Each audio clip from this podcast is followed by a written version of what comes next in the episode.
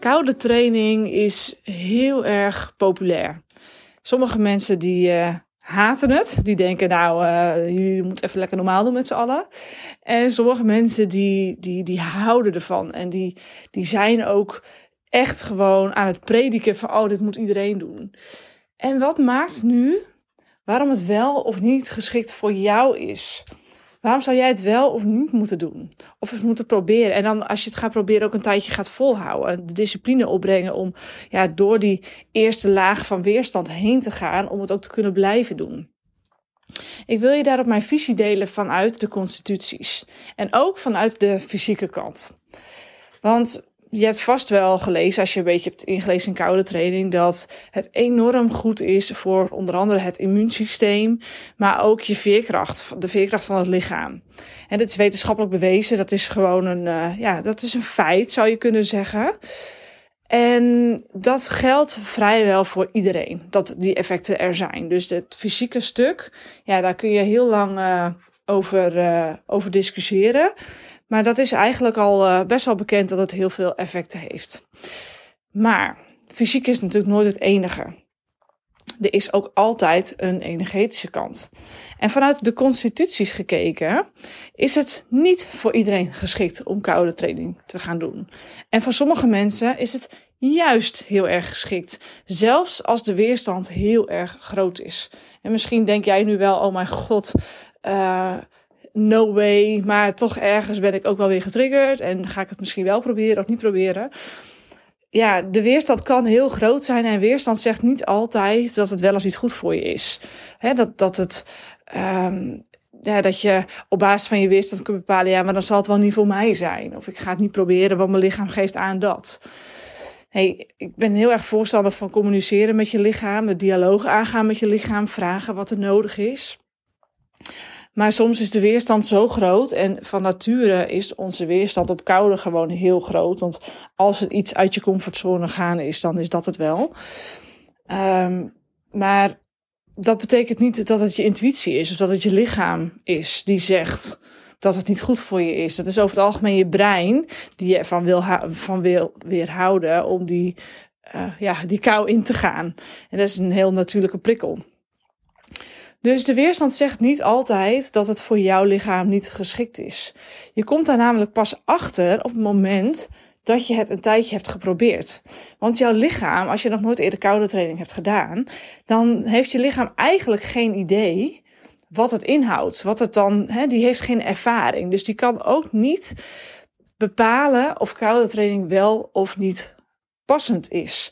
Dus eigenlijk intuïtief krijg je helemaal niet een prikkel als je het nog nooit echt hebt geprobeerd voor een tijdje. Met voeding werkt dit overigens anders, want voeding heeft een bepaalde energie. En daar kun je weerstand op voelen. Je kan echt vanuit je lijf voelen, oh nou, nu even niet. En je kunt ook voelen, oh ik heb zo'n behoefte aan, ik zal laten zeggen, aan appels. Of ik heb zo'n enorme, enorme zin in, uh, nou laten we zeggen, pure chocola. Of uh, groene thee. Of hey, je lichaam kan echt signalen aangeven en intuïtief prikkels geven dat bepaalde voedingsmiddelen heel erg gewenst zijn, gewenst zijn. En bepaalde voedingsmiddelen juist echt ja, niet fijn zijn voor je lijf. En daar kun je mee leren samenwerken. Maar met koude training is dat anders. Want koude training zelf, dat is een activiteit. Dat is niet een, een ding wat energie heeft. Dus je lichaam, als hij nog geen ervaring heeft met koude training, kan intuïtief niet aangeven of het wel of niet bij jou past. Nou hoe weet je dan wel of het niet, uh, wel of niet geschikt voor je is? Nou, dan kun je heel goed je constitutie bij uh, pakken. Dus hè, ik weet niet of jij uh, podcast 3 hebt geluisterd. Wat is jouw constitutietype? dat ga ik nu niet helemaal opnieuw uitleggen. Dus als je wil weten wat jouw type dan is, dan zou ik je aanraden om die even te luisteren. Maar vanuit die constituties kun je heel goed zien of het wel of niet geschikt voor je is. Want er is eigenlijk maar één constitutie in de basis voor wie het niet geschikt is. En dat is lucht. Lucht zijn heel, luchttypes zijn heel gevoelig. En die, daar is het gewoon te heftig voor. Dus als jij in je basis en dat je echt overwegend een luchttype bent, dan is koude training niet zo'n goed idee voor je. En dan bedoel ik echt de, de intense koude training. Wat je wel kunt doen als je lucht bent, of als je de voordelen van koude training wilt gebruiken, zonder dat je je lichaam helemaal eh, door elkaar heen schudt. Hè, want dat is, gebeurd bij, wat, dat is wat er gebeurt bij lucht. Ja, het is zo'n zo'n zo'n impact dat je lichaam daar gewoon echt niet blij van wordt. Die wordt echt te ver uit de comfortzone getrokken. Lucht heeft maar fracties nodig van activiteiten, van suppletie, van bepaalde voeding om effect te krijgen. En dat kan heel snel doorslaan naar te veel, te hard, te actief. Als jij als, een, als je een luchttype bent, kun je wel zeggen van nou, ik ga lauw training doen. En dan met name dus onder de douche. Dat je gewoon de douche op, op lauw zet. Dus niet steenkoud, maar de tussenweg daarin zoekt. Want dan pak je ook de voordelen ervan, zonder dat je je lichaam helemaal op zijn kop zet. Geldt dus ook voor zwemmen bijvoorbeeld. Ja, ik zou uh, november, december, januari, februari een beetje overslaan. Maar vanaf maart zou je best kunnen zeggen van nou, ik ga toch af en toe eens kijken hoe dit voelt als ik mezelf in natuurwater dip bijvoorbeeld.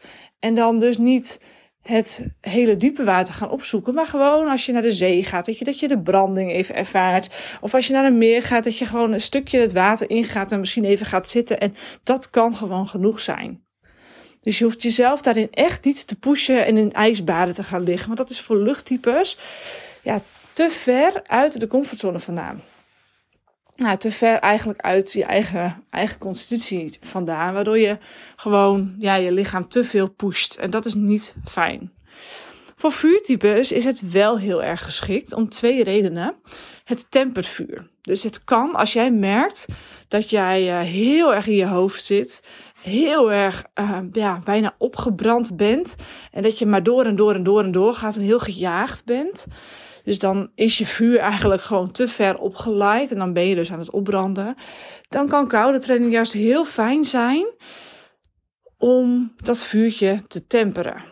En daarmee bedoel ik dan dat je koude training niet gaat doen weer vanuit de houding resultaat en doelgericht en het moet me dit opleveren, het moet me dat opleveren.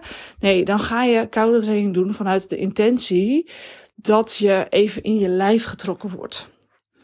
Dus dat je je lichaam weer gaat voelen. Dat je uit je hoofd gaat en in het moment gaat landen.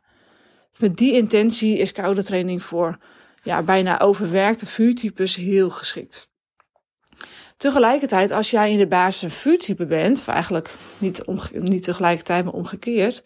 Als je in de basis een vuurtype bent en je merkt dat je vuurtje juist niet meer zo heel erg brandt, dan kun je koude training gaan doen met de intentie om je vuur weer op te laaien. En dan zul je wellicht ook makkelijker ervaren dat je uh, van binnen gaat gloeien na de koude training. Als je intentie gaat zijn dat je je vuurtje opnieuw wil oplaaien. Ja, hoe doe je dat dan? Even praktisch gezien. Voordat jij het water ingaat, en dan heb ik het over natuurwater, maar dat kan ook zijn een koude douche, zeg je tegen jezelf: ik wil mezelf van binnenuit weer verwarmen. Dus je zegt tegen je lichaam, ik ga je helpen om het vuur weer op te stoken. En dan gebruik je eigenlijk de kou om een reactie in je lichaam op te wekken, waarmee dat vuur weer gaat branden. En dan kun je dus ook ervaren dat je na je koude training heel erg gaat gloeien. En dat is, dat is gewoon heel fijn, heel lekker. En sowieso is ieders reactie daarin anders. Hè? Niks is fout of zo. Um, maar dat, dat is eigenlijk wat vuurtypes met name ervaren. Die kunnen gauw lekker gaan groeien. Um, dan water-aardetypes. Hier zal veel weerstand zitten op koude training. Als jij echt in de basis een water-aardetype bent, dan is waarschijnlijk niet het eerste wat in je opkomt om in de zee te gaan rennen. Dan denk jij, nou laat maar, sla mij maar over. Uh, mij niet bellen dat kan ik me voorstellen. Want water-aardetypes zijn over het algemeen, ja, niet echt van de grote stappen, van de grote verschillen, van de grote, snelle acties. Die flowen stabiel, rustig, doelgericht, stapsgewijs mee met de flow van het leven. Dat is echt water-aarde. En als je dan koude training doet, dan schud je jezelf flink op. En dan doe je in één keer een soort van stroomversnelling met je energie. Dus dat ligt heel ver buiten die, nou ja, comfortabele stapsgewijs. Als je water adem bent, zul je misschien ook wel, als je als een keer koude training hebt gedaan, uh, hebben opgemerkt dat je langzaam de kraan steeds een beetje kouder zet. Totdat je denkt, nou, nu vind ik het nu leuk meer. En dan zet je de boel uit. Stapje voor stapje. Dat is heel erg wat past bij wateraarde. Het is juist wel heel goed voor je, omdat het je in beweging houdt en in beweging krijgt. Op het moment dat jij merkt dat je in de lusteloosheid zakt, als wateraarde, wat daar een valkuil voor is, bijna in de luiheid zakt, dan is koude training heel goed om die discipline vast te houden en je lichaam in beweging te houden. En jezelf, je energie in beweging te houden in de activiteit, in de actie. Dus ja, voor wateraardetypes is het juist een heel erg goed idee om dat te gaan doen. Nou, dan nog even wat over de fysieke kant. Want ik had al kort benoemd, het immuunsysteem heeft er heel veel baat bij. Nou, dat komt omdat je meer bruin vet aanmaakt. Um, en in dat bruin vet zitten heel veel uh, ja, stoffen die uh, dat immuunsysteem ondersteunen. Maar er zit ook gewoon meer immuunsysteem in, die, in dat bruin vet. Maar wat ook een hele mooie is om je te realiseren, is dat je gezondheid eigenlijk, hè, dus de mate van gezondheid, eigenlijk bepaald wordt door de mate van veerkracht. Dus in hoeverre kun je meeveren met wat er in de omgeving gebeurt. En dat is vanuit het principe survival of the strongest.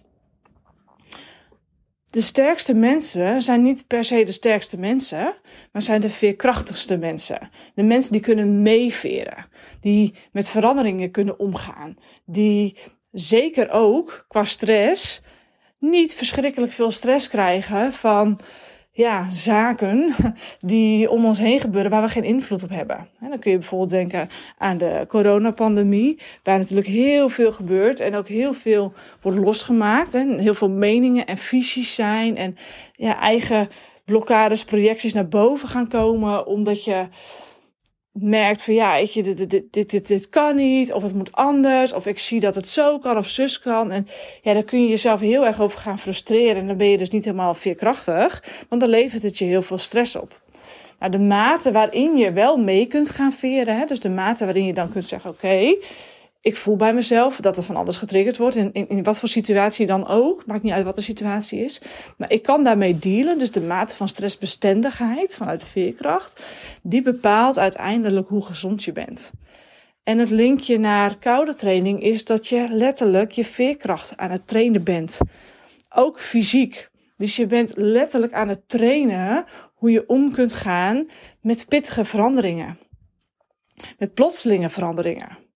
Dus hoe meer je ook daarop je mind traint, hoe weerbaarder jij wordt in je lichaam. En het principe, je lichaam past zich aan aan je energie, gaat altijd op. Even los van dat het gewoon minder stress oplevert als je beter kunt omgaan met veranderingen. Dus tot zover de voor- en nadelen van uh, koude training en of het wel of geen goed idee voor je is. Als je hier vragen over hebt, mag je me altijd een berichtje sturen op Instagram. Hartstikke leuk om daar even over te kletsen. Het Regina Nieuwhof. Ik vind het ook heel tof als je mijn podcast deelt met andere mensen.